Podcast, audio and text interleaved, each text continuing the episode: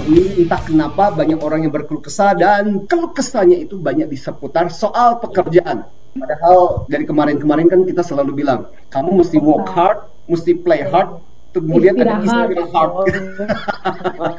Jadi ketika kita kerja enjoy, enjoy banget, tapi ketika kita istirahat juga total. Nah, banyak komentar yang muncul karena banyak orang kemudian komplain begini apa bisa fun bisa menikmati bisa enjoy dengan pekerjaan mana bisa yang namanya kerjaan itu sesuatu yang serius Kemudian, ayolah bersikap yang dewasa, jangan cengengesan. Kalau kerja itu mesti konsen, mesti fokus. Nah, itu kalimat-kalimat yang sering kita peroleh. Kalau kamu main-main terus, kerjaannya kagak selesai-selesai. Jadi seolah-olah yang namanya kerja itu penderitaan, kerja itu penyiksaan lu bisa tahu apakah seseorang itu enjoy atau enggak dengan pekerjaannya? Gampang lah. Jadi kalau wajahnya itu aura yang kita lihat aja udah gila ya nih orang enjoy banget ini orang menyenangkan banget. Berarti sama orang ini cukup enjoy dengan pekerjaannya.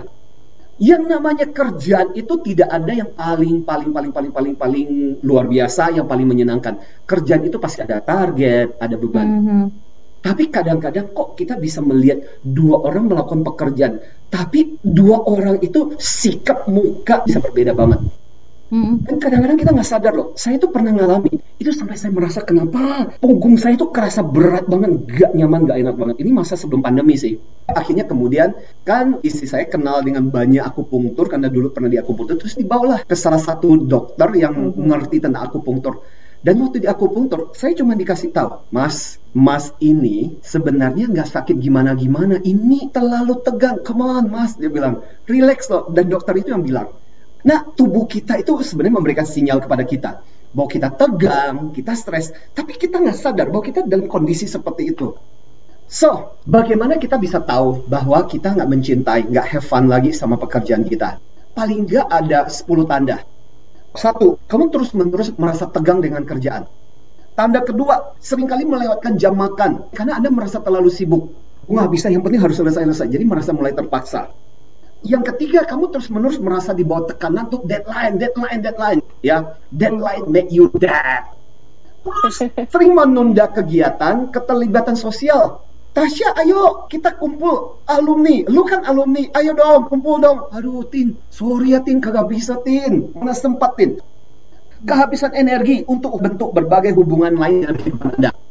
Dan berpikir tentang pekerjaan bahkan ketika Anda melakukan hal yang lain. Jadi waktu lagi santai, piknik aja mikirin gila, gimana kerjaan gue. Tapi dipikirin dengan berat hati, bukan dengan senang hati ya hmm. merasa bahwa kerjaan kita apa pun yang kita kerjakan nggak pernah cukup nggak pernah selesai nggak pernah cukup selesai hmm. terus kalau udah sampai pada tahapan di mana kita udah mengeluh terus menerus nggak pernah punya waktu nggak punya punya waktu nggak punya waktu nah itu juga menunjukkan bahwa lu nggak fun lagi dengan kerjaan sekarang gitu terus merasa bersalah karena gila ya gue kok jadi nggak punya waktu untuk ini gue jadi nggak punya waktu untuk itu. Terus menerus bersalah tapi anda nggak bisa melepaskan diri dari tekanan beban pekerjaan saat ini. Itu juga tanda-tanda lu nggak fun lagi. Nah yang terakhir adalah sampai punya dampak ke fisik. Entah makannya jadi banyak atau jadi susah makan, atau jadi sampai susah untuk tidur dan sebagainya. Kalau udah sampai pada situ, lu nggak fun lagi dengan kerjaan saya sampai punya satu referensi bagus buat teman-teman judulnya adalah Take This Job and Love It.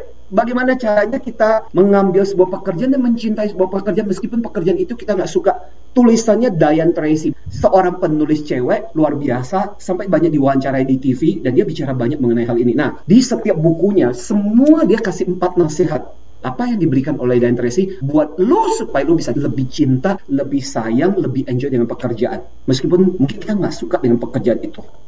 Maka dia bilang gini, ada empat hal. Satu adalah kamu harus memperjelas masalahmu itu apa.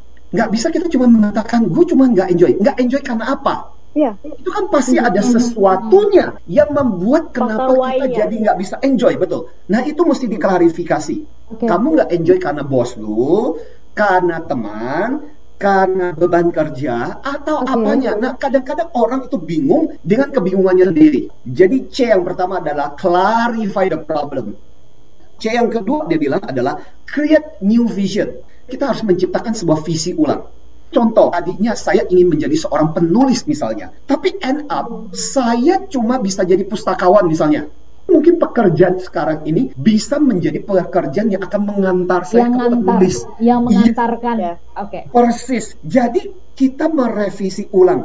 Ketika aku nggak bisa mempunyai tujuan yang panjang, tapi bagaimana ini tujuannya saya revisi. Contoh, saya itu pernah sangat benci banget yang namanya psikologi anak. Bayangkan masih mahasiswa, belum punya anak kan merasa, Ih, itu bukan gue banget gitu. Nah, yang saya lakukan waktu itu adalah ngomong sama dosen saya. Dan dosen saya bilang gini loh, Tin, kamu jangan bandingkan dirimu sama teman-temanmu, ya kamu akan frustrasi. Kamu bisa pertama-tama mulai dengan sedikit demi sedikit. Saya tahu mungkin kamu sekarang nggak berpikir tentang keluarga itu kan masih jauh banget buat dirimu. Tapi kamu lihat nggak bagaimana ini bisa membantu kamu untuk bisa menganalisa. Karena dia tahu saya aktivis kan. Dan itu membuat saya, ya juga ya, pemahaman ini bisa menolong. Jadi kadang-kadang bicara dengan orang itu menolong, create new vision. Dan yang ketiga, dan Tracy bilang adalah connect to feeling. Jadi belajar jujur. Sebenarnya perasaanmu itu yang kamu rasakan sekarang itu apa? Belajar untuk ah enggak, ah, kayaknya enggak deh.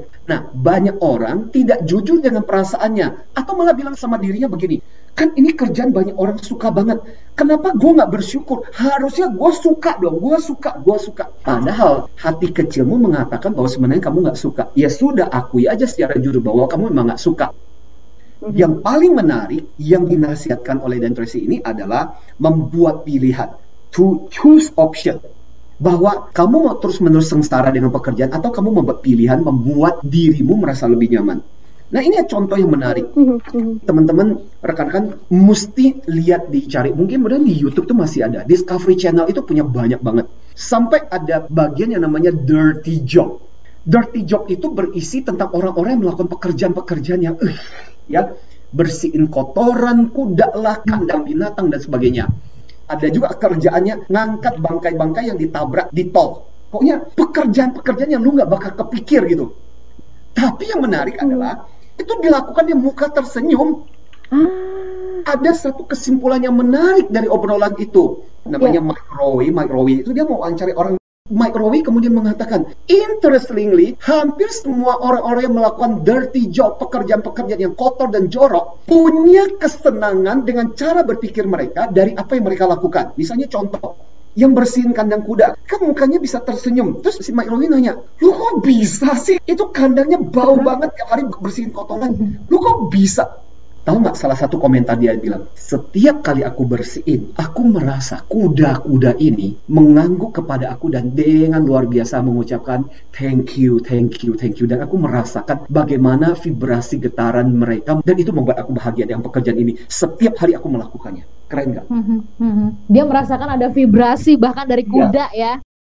Dan yang ngangkat bangkai-bangkai yang ditabrak di tol itu penuh dengan ulat dan sebagainya. Oh my god gitu kan. Dia tanya mukanya tersenyum gitu loh. Kok bisa? Kamu bisa menikmati pekerjaan ini? How can you enjoy pekerjaan ini? Dia bilang pekerjaan ini sendiri tidak membuat aku bahagia.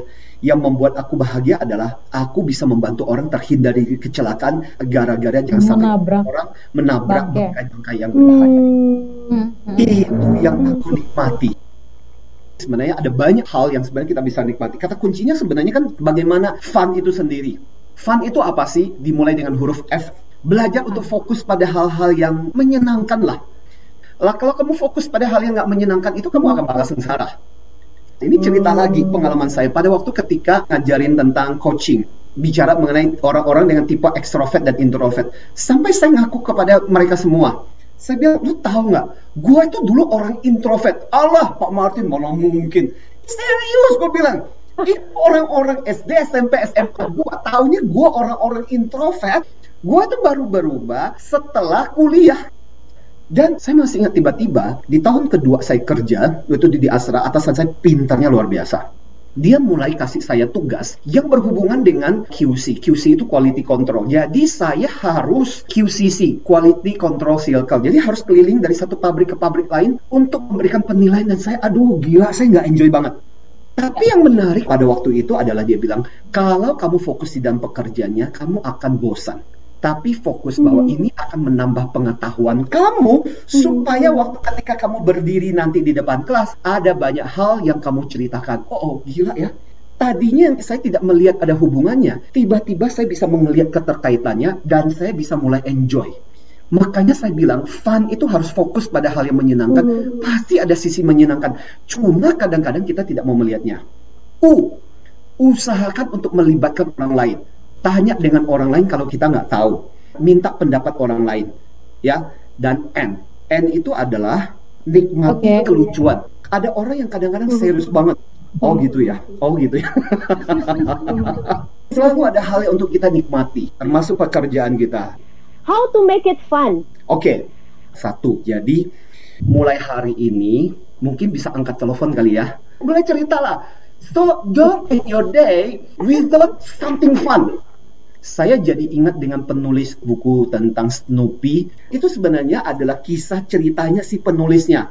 Dia itu orangnya minder, rendah diri, tapi dengan cara seperti itu, dia mulai belajar untuk enjoy karena dia bilang, selama hidupku itu banyak digambarkan oleh Snoopy yang bicara mengenai hidup yang kelabu, hidup yang susah. Dan itu nggak enak banget, dia bilang.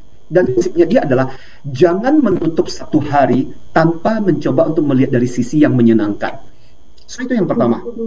Yang kedua, mulai belajar untuk pasang radar fun. Bayangkan seolah-olah dari kepala kita itu ada radar. Dan radar ini mulai menangkap apa sih hal yang lucu. Try to enjoy kita tuh mesti belajar banyak dari orang-orang yang stand up comedy. Ada aja hal-hal yang lucu yang bisa mereka tulis. Kalau saya bukan orang yang terlalu spontan, makanya kadang-kadang saya tuh salut banget mm-hmm. dengan mereka-mereka yang bisa spontan. Ketika diledek itu bisa balas ledek dengan begitu luar biasa itu kadang-kadang saya salut kok bisa gitu kan? Karena memang mereka terlatih. Kita juga mesti melatih radar kita gitu.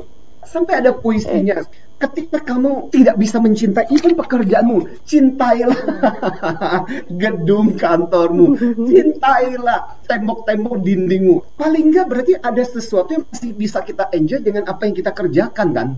Ya. Dan ya. kalau sampai akhirnya kamu bertanya dan tidak ada satupun yang kamu cintai di situ, terus ngapain lagi kamu lama-lama di situ?